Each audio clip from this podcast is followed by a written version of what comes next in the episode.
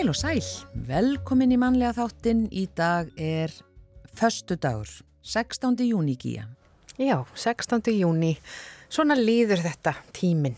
Já, og það var einhver sem var ekki gladur með hvað við værum að bera saman veðrið fyrir norðan og fyrir sunnan. Nei. En ég held að það breyti nú samt ekki í staðrindinni. E, veðrið er betra fyrir norðan og austan. Já, það er bara svolítið svoleiðis. Já. En auðvitað er leiðilegt að vera sífælt að bladur um veðrið. Mér finnst það ekki reyndar. ég að vísa sko gerði he heilt, uh, já, ég, ég elska að tala um veðrið. Já, já, það er bara, það er bara bara svoleiðis. en svona erum við mismunandi. Já, já, það er bara þannig. En uh, bara svona áður en við byrjum, það máttu gjarnan segja okkur hittastiði fyrir norðan, bara svona ganni. Bara ganni, Já. sko klukkan tíu, nú ætla ég bara að segja ofinbæra tölur, Já, já. að hafa þetta nú allt uh, offisjált um, segðist þetta ofinbært, en það voru 17 gráður hér klukkan tíu Já. uh, mældust, Akkurat. en um, á sama tíma klukkan tíu mældust 24 gráður á Eilstaflugvilli. Já, Það voru 20 gráður á Húsavík, 16 gráður á Kirkjubæjaklustri og það voru líka 16 gráður í Árnesinu. já, Þannig að það er ágættis og á litlu Árvík 17 gráður. Já. Þannig að þetta er ágættis hitastig víða um land. já, 15 hér, þannig að það er bara mjög gott. Já, það voru 13 gráður klukkan 10 en greinilega er að hækka. Já, samkvæmt þessum. En um, rennum aðeins yfir bara ímsa atburði, sögunar á þessum degi. Það gerðist ímislegt í Það gerðist fortíðinni. nefnilega ímislegt uh, eins og gengur að gerist í fortíðinni. Árið 1342 þá fekk Álaborg í Danmörku kaupstæðaréttindi. Og 1877 Ísafoldar prentsmiða var stopnuð formlega og prentaði blaðið Ísafold í fyrsta skipti. Og 1909 á þessum degi var vatni úr elliða ánum hleyft á dreifikerfi Vassveitu Reykjavíkur og vatni úr Gvendarbrunnum var veitt inn á kerfið í byrjun oktober.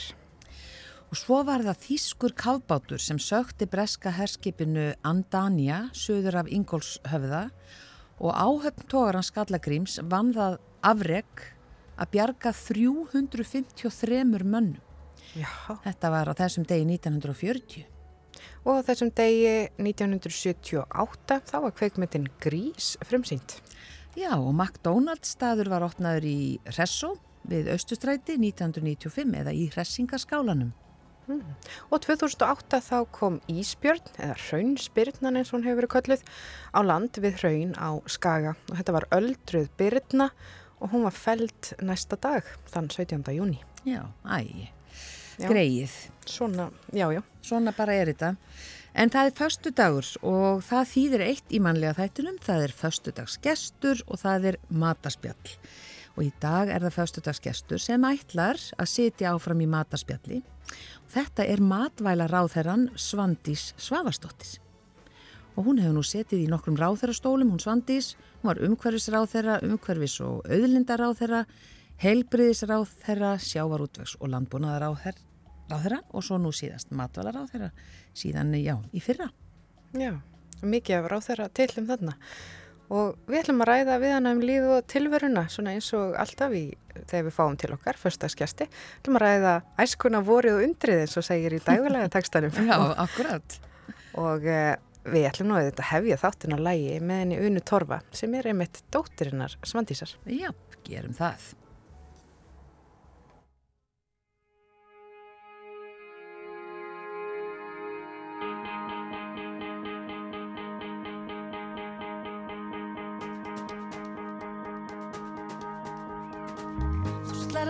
Þráðinn seint á kvöldin og við tölum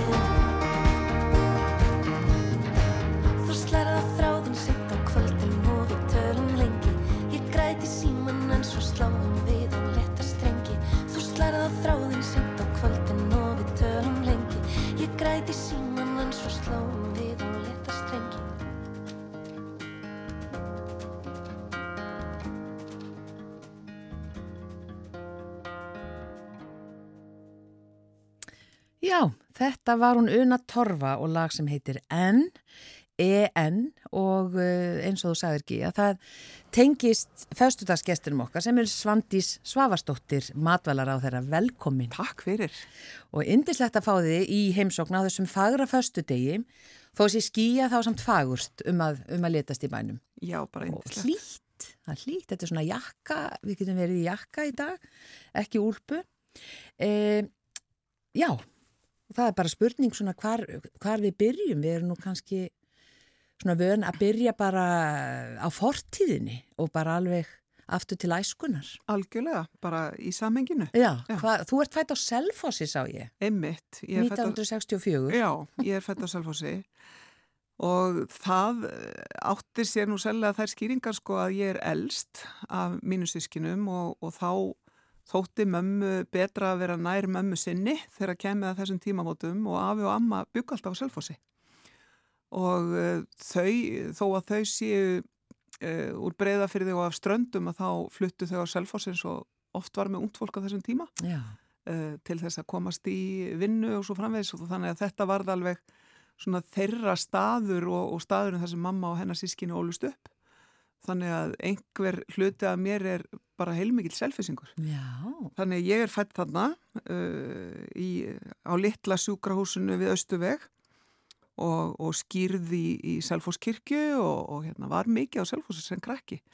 Og af og amma voru sem sagt, það sem að kalla var fyrir utan á, sem sagt í litla hlutanum á Selfossi sem að er sem sagt Reykjavíkum megin við ána. já, áður en þú ferði við brúna. Áður maður fyrir brúna. Já. Og, og það var svona svolítið svona sérstök þorpstemning þar af því að þar voru eiginlega bara tvær að þrjár götur og uh, þar var hægt að fara í búleiki og, og alls konar áttu búdót uh, hérna leiki. Já, og ég man hendur eftir því að ég og vinkona mín uh, Rafnildur Kallstóttir hérna Happy kölluð aðeins eldri en ég um, við fórum mjög gjarnan í búleiki og mjög gjarnan inn í bílskur heima hjá henni og uh, í minningunni það var náttúrulega svo fyndið að hugsa um það að uh, í búleika þá ákvaðum við að vera hjón og, og önnur okkar var þá heima að uh, elda og undirbúa einhverja drulluköku með sóleum í og eitthvað svona. Og hinn fór svona eitthvað og kom svo tilbaka og þá var matur og eitthvað svona og, og allt byggði þetta á því að við fórum, vorum búin að fara eh, að banka og fá bútót en flottast fannst okkur í búleiknum að vera bítlarnir Já. að sko önnur okkar, önnur okkar var þá kannski Pól og, og hinn var kona Póls og þannig að við þannig blandaðist einhvern veginn bítlaæðið inn í þessa búleiki. Og okkur fannst þetta mjög flott og, og heldum mikið upp á Paul og George líka. Og þetta er eiginlega svolítið fyndið að segja þetta fyrir sér að, að hérna, þarna voru þeir semst, í, í, í líki eh, svona kannski fimm ára stelpna á selfossi að borða moldarkökur Það er dásamlegt. Þeim er örgla þátt að skemmtilegt ef þeir hefur vitað það. Já, þetta var náttúrulega þessum tíma á sjönda áratögnum þar sem að e, þar sem að bítlarnir voru bara einhvern veginn yfir og allt umkring og ég var svo heppin að að tengjast mikið sískinum mömmu, yngri sískinum hennar sem að voru náttúrulega kafi í þessu mm. sko nýjustu bítlaplötunni og, og móðubróðum minn var í hljómsveit á þessum tíma þannig að maður fyldist alltaf mjög spenntur með þessu og, og hérna sílófsi og ég, ég, ég og obladi, oblada og þetta var bara einhvern veginn Málið. lífið. Já, þetta var lífið. Þetta var lífið. Og hver var uh, svona þinn bítill? George. Já, George. Já, svona hugsandi, svona pælari, svona hljóðlátt á típan. Mér fannst hann æði. Uh, en svo náttúrulega eftir því sem maður eldist að þá lærum maður að meta hvern og einn sko og, og þeir eru náttúrulega ólíkir.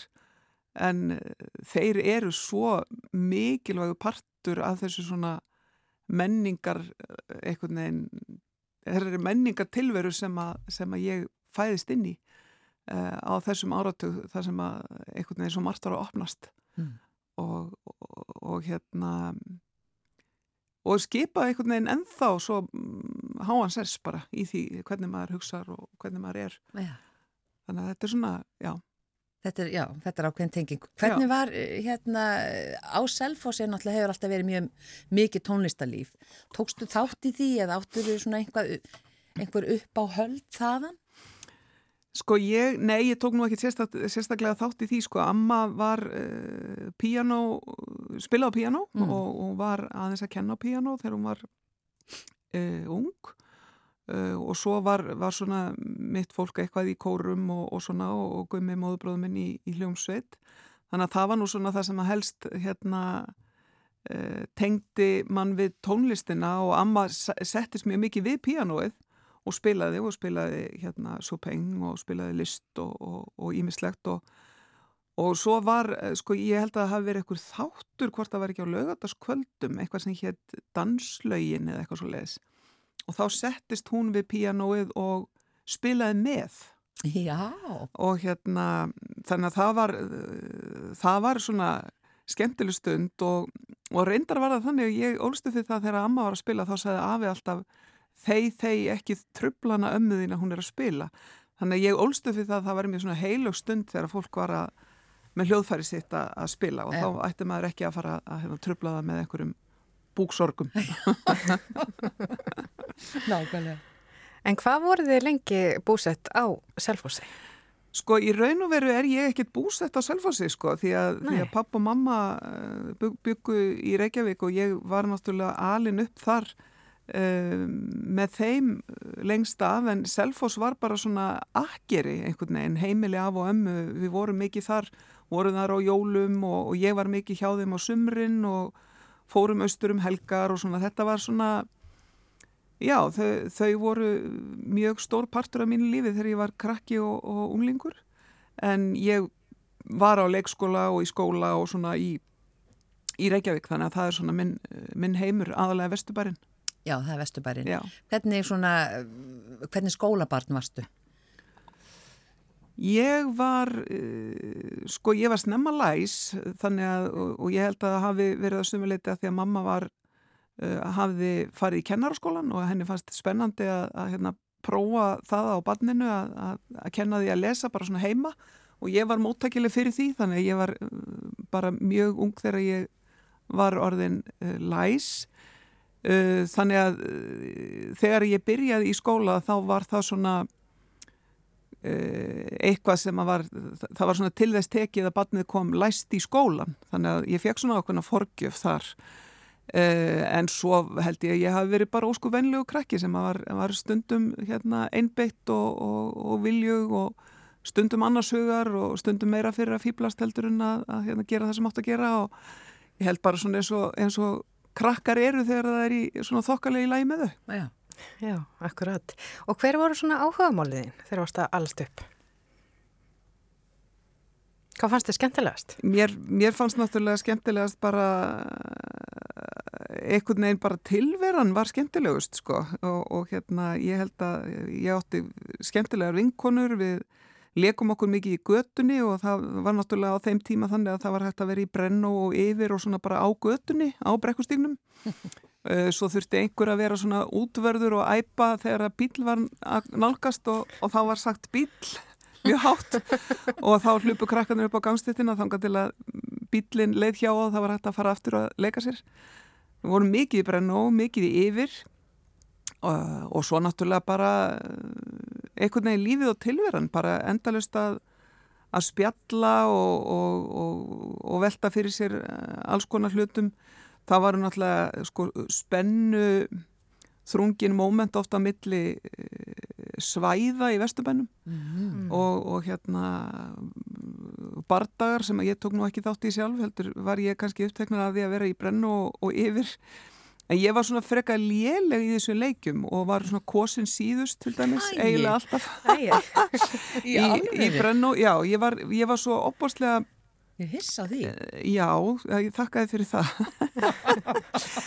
ég var svo laung, svo snemma. Ég var orðin þetta 1.80 kannski þegar ég var 12 ára eitthvað svo leiðist, þannig að Já. það var svona, svona svolítið svona mikið af sköngum og lítil stjórn kannski.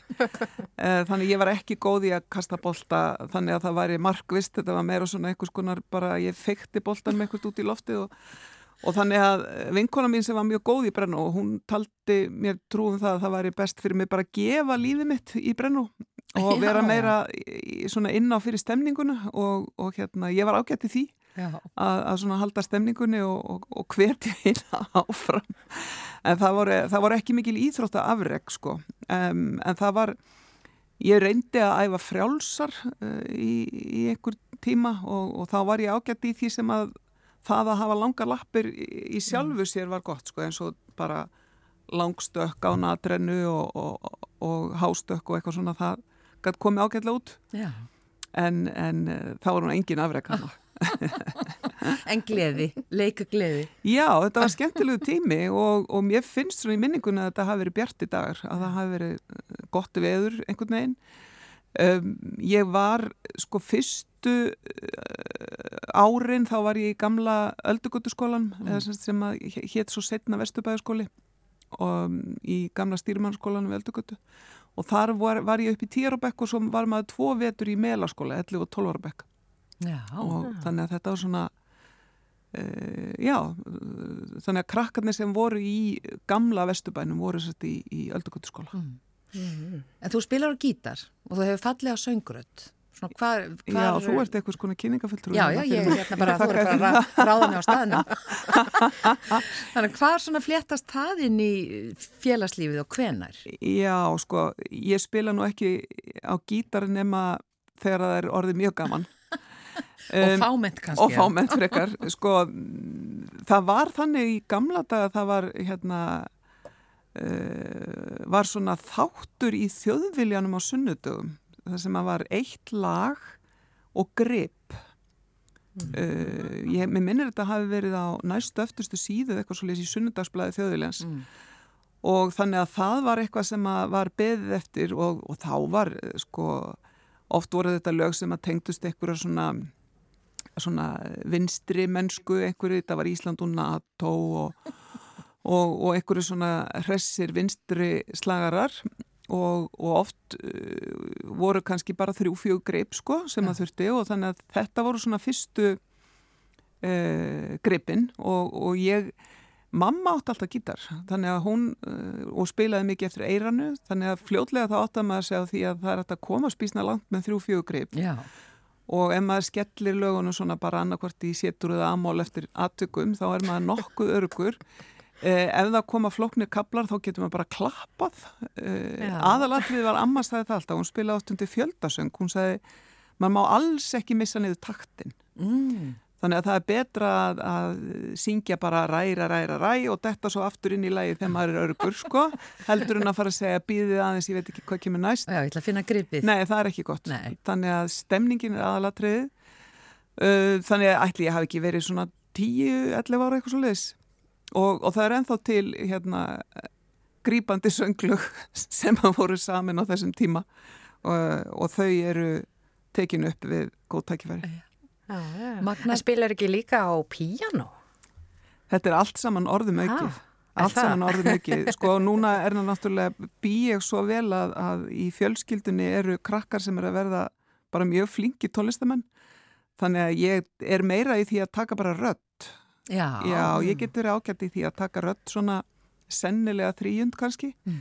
og, og svona bakrödd kannski með spórum um, en ekki en ekki þannig að, að hérna, já, þetta, þetta svona breytist hérna eftir því sem að uh, nýjar kynnslóðir bætast inn Já. en, en það er alltaf góð stemning uh, þegar það eru margir sem eru til í að taka lagið. Já, og það er einmitt sungið á þínu heimili. Það er algjörlega, það staðreind. já, það er algjörlega staðrind, það er sungið á mínu heimili, Mm. það, er, það er mikið gert af því og, og, og skemmtilegasta sem ég veit er það að þegar það er að verða til nýtt lag í stofunni heima hjá mér og, og, og hérna, og ég heyri samskiptin og spjallið í kringu það og, og hérna uh, og svo að smegja sér inn í það kannski að taka rödd.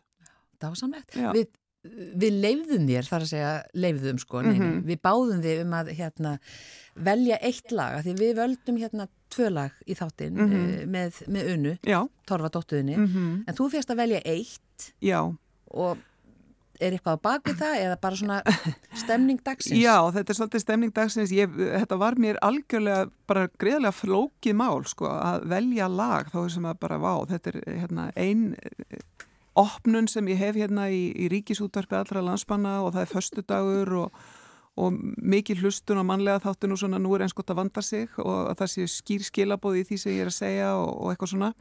Og þetta var allt alveg svakalega flókið þannig ég hugsaði Ég ætla bara að velja lag sem að hefur alltaf komið mér í gott skap og, og sem að er e, svolítið tímalaust.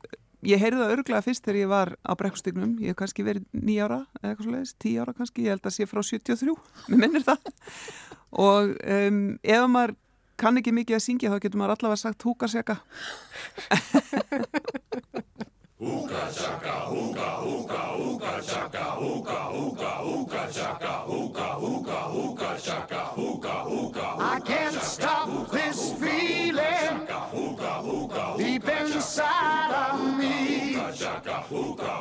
Girl, you just don't realize what you do to me. When you hold me in your arms so tight, you let me know everything's alright.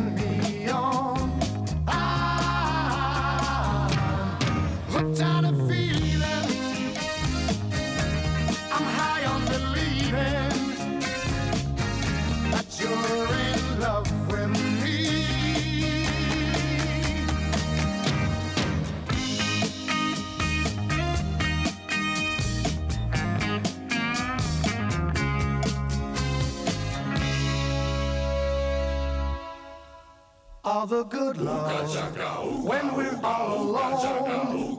Keep it up,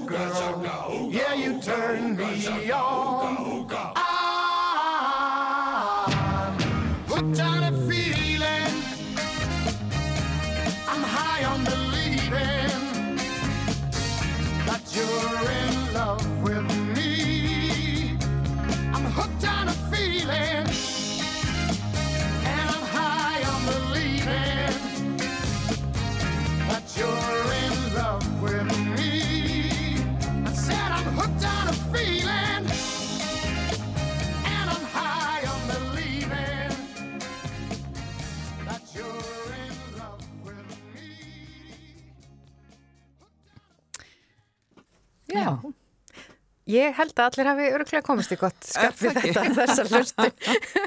Ég mæli með að byrja bara á húkasjaka eða Já. stemningin er eitthvað þetta niður, þá kemur það.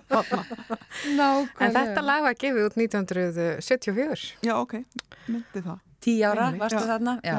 Já. Og alltaf, alltaf gaman að hlusta á þetta. Og það er föstudagur og uh, sko meðan lagi var í loftunni þá alveg heyrði ég hérna Svandís var að finna svona einhverja rattir í það. Alltaf gaman. Og þú ert í kór. Já, sko, það er nú bara þannig ef maður er einhvern tíðan í kór þá er maður í kór.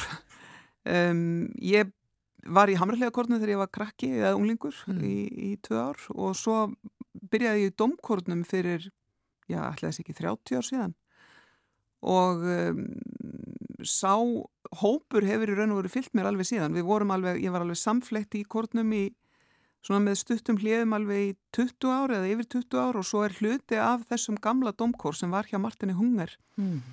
eh, sem að hittist ennþá. Við vorum síðast í, í hérna eh, tónleikaferði í Vestmanneum fyrir nokkrum vikun síðan og, og þetta er fólk sem að, að vináttan er orðin svo djúb og, og reynslan sem við höfum gengið í gegnum saman svo margslungin, við höfum verið á ferðalögum, við höfum sungið í, í brúkaupum og skýrnum og fermingum og jarðaförum og, og, og þarna í þessum kór þar hitt ég mannin í lífi mínu.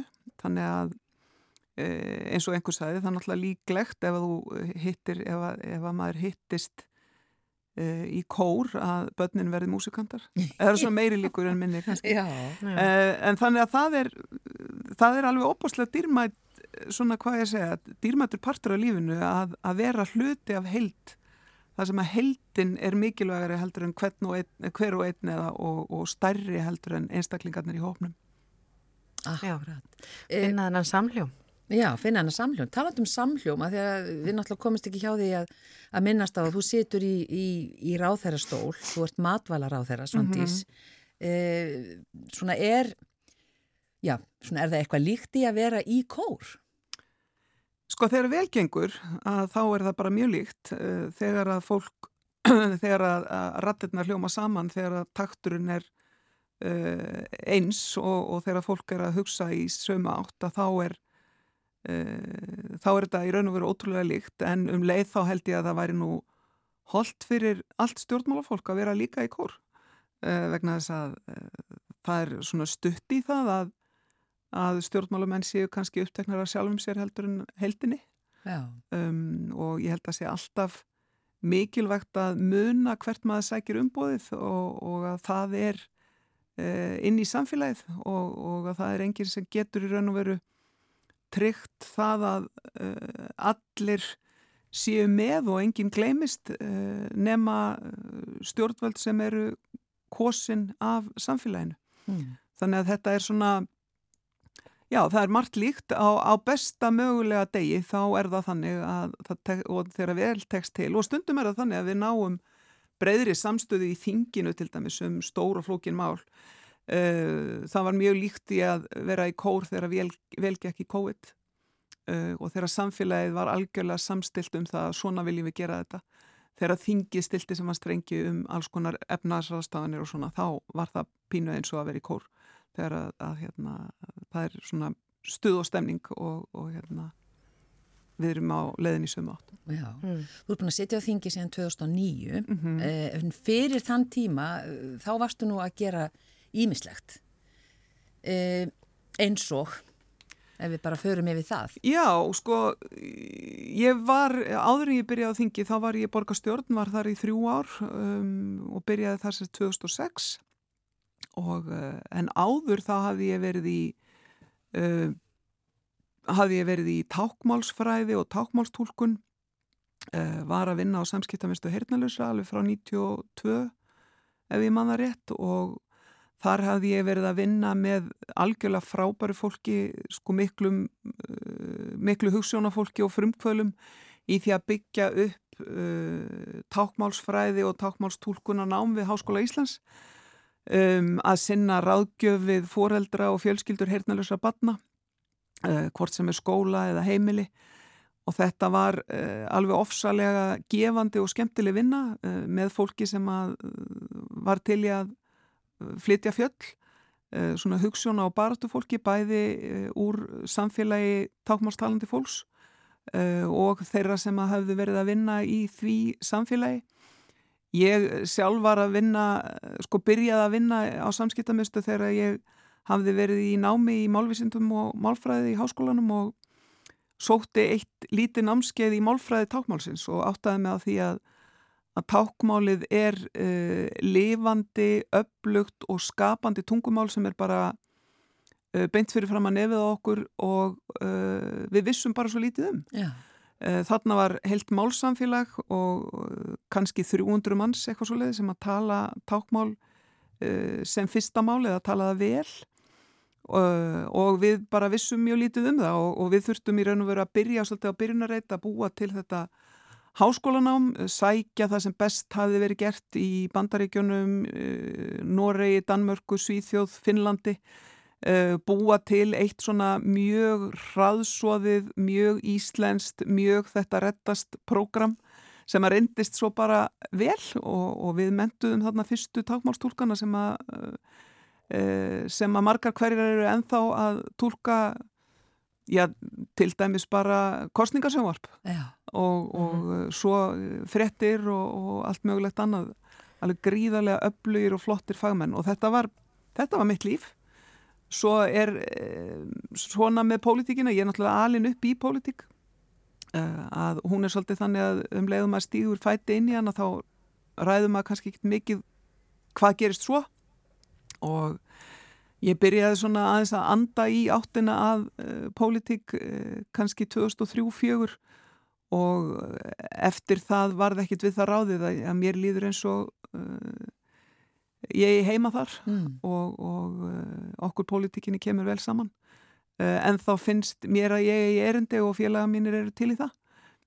Þannig að það urðu mikil kaplaskil en samt í raun og veru er maður alltaf að hugsa um uh, sömu prinsipin, maður er að hugsa um, um jöfnuð og maður er að hugsa um réttindi og maður er að hugsa um líka uh, sko þetta uh, bæði fólk og hópa sem að hafa ekki sterkar rött í samfélaginu og sem þarf að geta sérstaklega að ég hef alltaf verið líka mjög spennt fyrir málumnum náttúruvendar þar er líka rött sem að heyrist ekkit alltaf það er bara rött náttúrunar sjálfrar og, og komandi kynsluða Þannig að þetta allt saman rýmaði vel og var svona eðlert framald af því sem ég hafði gert áður en, en, eh, en sannarlega kaplaskill. Mm. Já, við hlustum hérna á lag með doktorðinni Unnu Torfa hér áðan og ég lasi mitt í viðtali við hanna þar sem hún var aðeins að fjalla um tónlistina sína að, að þið setið oft saman og spjalli svona um lífi og tilveruna og, og hún fjall, sagt, segir frá þessari hugmynd um að breyta með því að vera. Já að breyta heiminu með því að vera, taka mm -hmm. pláss og gera það sem við höfum áhuga á og gera það vel. Um, þetta, er, þetta er eh, kannski akkurat það sem þið báðar eru að gera akkurat núna. Já, sko já, þetta er svolítið uh, lífsmotto og ég held að sko sömuleiti skiptir þetta líka svo miklu máli fyrir konur uh, að við um, tökum rými og, og stundum bara það með því að taka rýmið og segja okkar hug og vera óhrættar við það og standa með öðrum konum að þá getum við skapa raunulega breytingar. Hvenna samstæða er algjörlega magnað fyrirbæri og um, ég var nú að rifja það upp bara núna á, á messenger með uh, ágætri þingkonu að hvenna samstæða getur flutt fjöll og, og við gerum það til dæmis með því að nútíma gera íslenska þungunráslögjöf fyrir nokkrum árum sem að hafi ekki verið hreyðið í 45 ár uh, færa výlinuna uh, sem að snýstum rétt hvenna yfir eigin líkama. Og það gerðum við með því að standa saman þvert á flokka, þvert á, á meiri hluta og minni hluta. Konur í þinginu og, og, og kallar, þingkallar sem eru feministar, gerðu það með okkur. En ég hef sagt það við mína stelpur, ég á tvær stelpur og tvo stráka að það sé mikilvægt að, að uh, taka rými og segja hvað maður vil um, en stundum þarf maður að vita fyrst hvað maður vil. Mm. Já, ég held ég hef lesið í sama viðtali eða allavega ykkur viðtali við hann að dóttuðina að ein jólinn þá þurft hún að taka í svona tal og hérna og róa alla niður og, og, og aðeins að minga á hérna tútúlistanum. Eh, ferðu, ferðu stundum fram úr þér? Nei, jú, jú, alveg örglega sko. Ég, það sem að þú ert að vísa til þarna er þeirra... Rauðkálið og... Já, stóra rauðkálsmálið sko. Já. Eh, það var, það var þannig að sko eh, unna svona nýra á jöruna eins og hún gerir stundum. Hún er náttúrulega bara svona eina af þeim sem að fæðist bara daldi vitur sko. Hún, það er eitthvað svona dýft í henni sem var bara frá því hún var pínlítið stelpa. Um, mamma eigið kannski bara að aðtuga hvað okkur finnst mikilvægt uh, við jólinn sko og, og hvort að öllum finnst allt mikilvægt. Og þá fórum við yfir þetta bæði baksturinn og rauðkálið og ísinn og hvað, hvað er það sem okkur finnst mikilvægt? Og þá reyndist það nú vera þannig að það var ekki langilistin sem að ég var alltaf með sem að öllum fannst mikilvægur. Þannig að það var hægt að styrta hann tölvert á þess að jólinn hérna, er það eitthvað síðri fyrir vikið og með þess að sennilega bara betri já, já, ég er alveg agaleg með, með það sko að vera með langa lista já. og uh, stundu fyrir sem er svo listatni mínir sko, þegar ég fann að gera lista um listana þá er það náttúrulega spurningum fara að þess að, að hugsa sinn gang en, en hérna ég, ég þrifist á listum frá því ég var bara lítil stelpa sko. ah, og talandum rauðkálið Já. við ætlum að uh, fá núna annar lag með unnu mm -hmm. sem heitir fyrfirandi og síðan ætlaður, ætlaður að setja hérna smá stund uh, í matarspjalli endilega, er það ekki? Jú. og þá kannski kemur eitthvað uh, já, meira fram heldur en, heldur en gott rauðkál mm -hmm.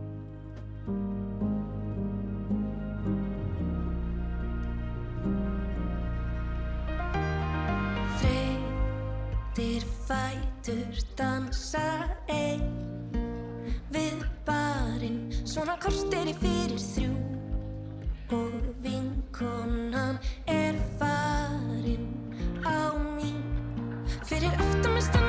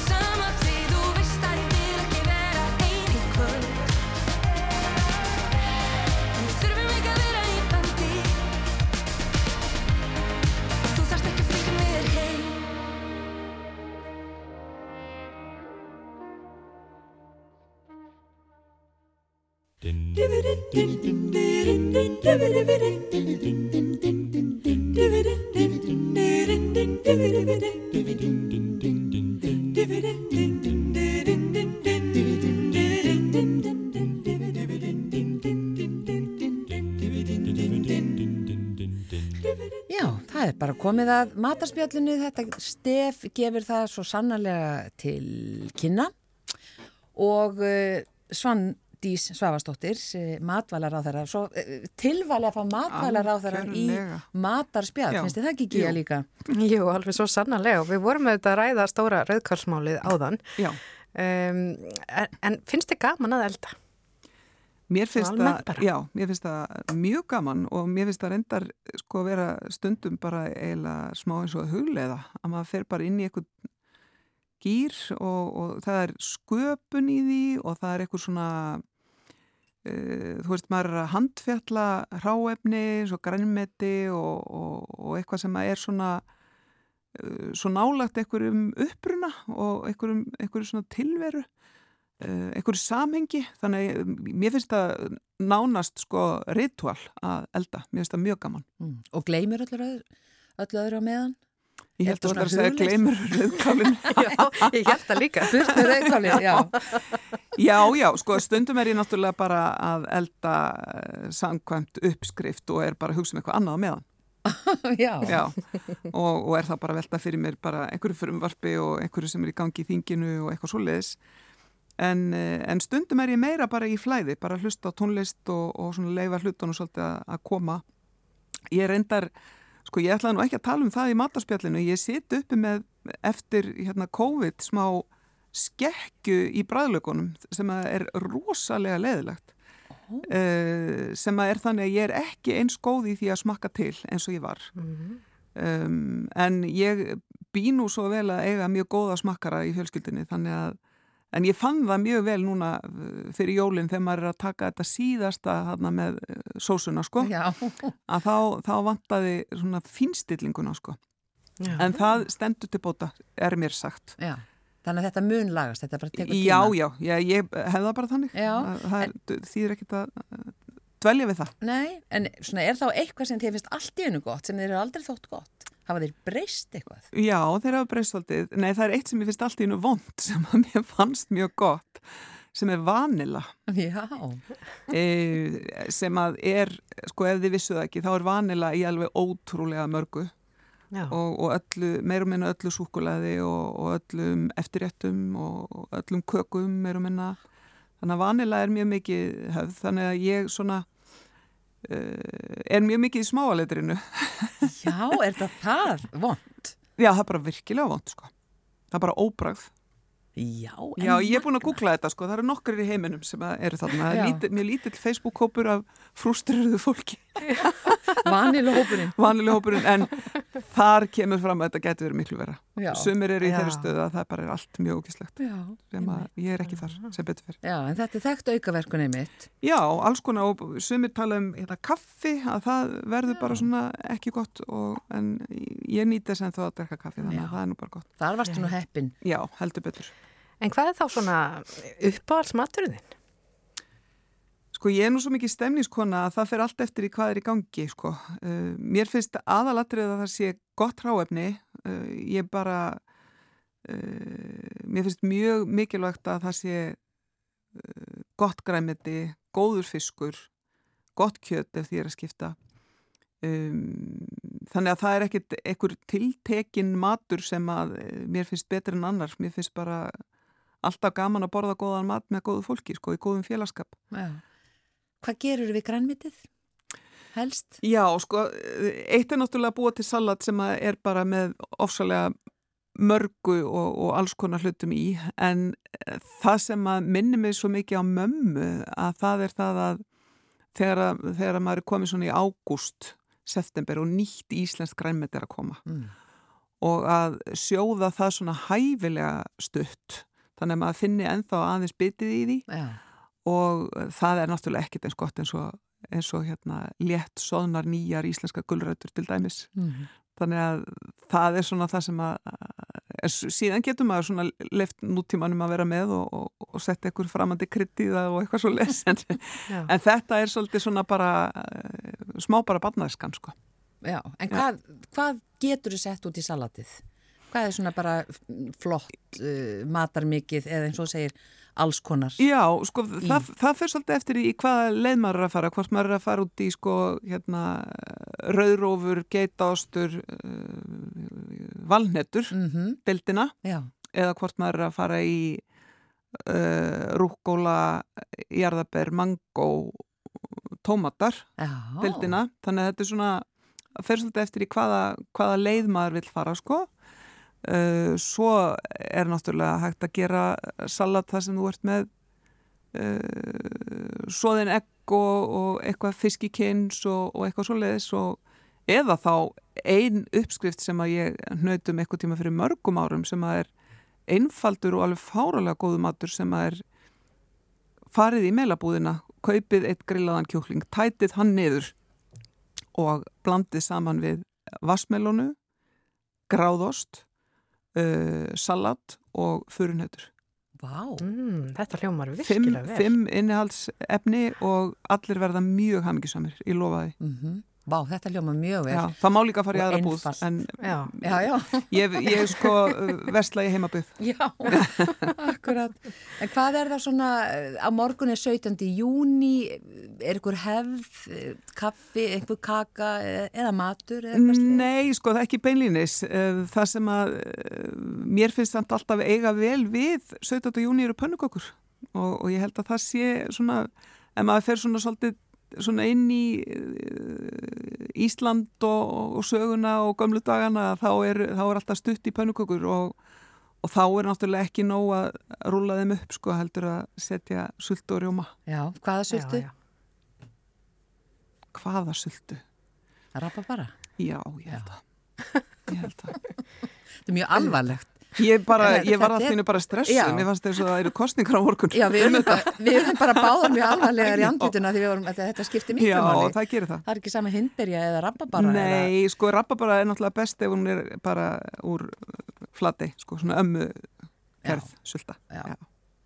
Þannig að það eru pönsur uh, og ætlar að baka pönsur á morgun? Sko, núna, nú er líf mitt orðið þannig að, eh, sko, dóttir mín, svo eldri, eh, hún rekur stærra heimilega en ég, þannig að við vorum að tala saman á, áðan og ég fer til hennar í kaffi eða brönns eða eitthvað svo leiðis en mér, ég er svona aðeins að bræða það með mér og ég er að hugsa um að segja það bara í útvarpinu svo ég þurfa að gera það, Já. að baka pönnukökur og fara með þær til hennar. Aha, þarna bættist eitt við á listan. það, já. Já. Já, þetta er listin. Li- 17. júni heitir þessi listi.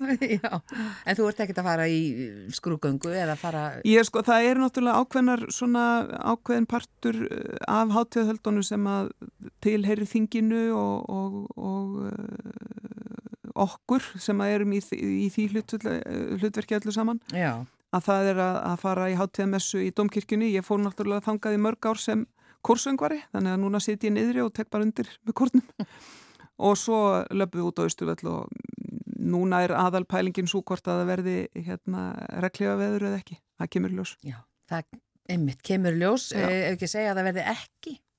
Jú, við skulum segja að það verði ekki, en það er betra að hafa reglífuna með samt. Að því að við sitjum kjör, sko. Já, akkurat. Mm En uh, bara að því þú ert pólitíkus og þá spyrju við hérna við uh, Gíja, ertu meðfylgjandi því að setja svona frítag eins og 17. júni sem hittir á laugadag á mm, einhvern annan eða hvað ertu þar? Sko, ég ætla bara að leifa mér, nei, 17. júni verður að vera 17. júni.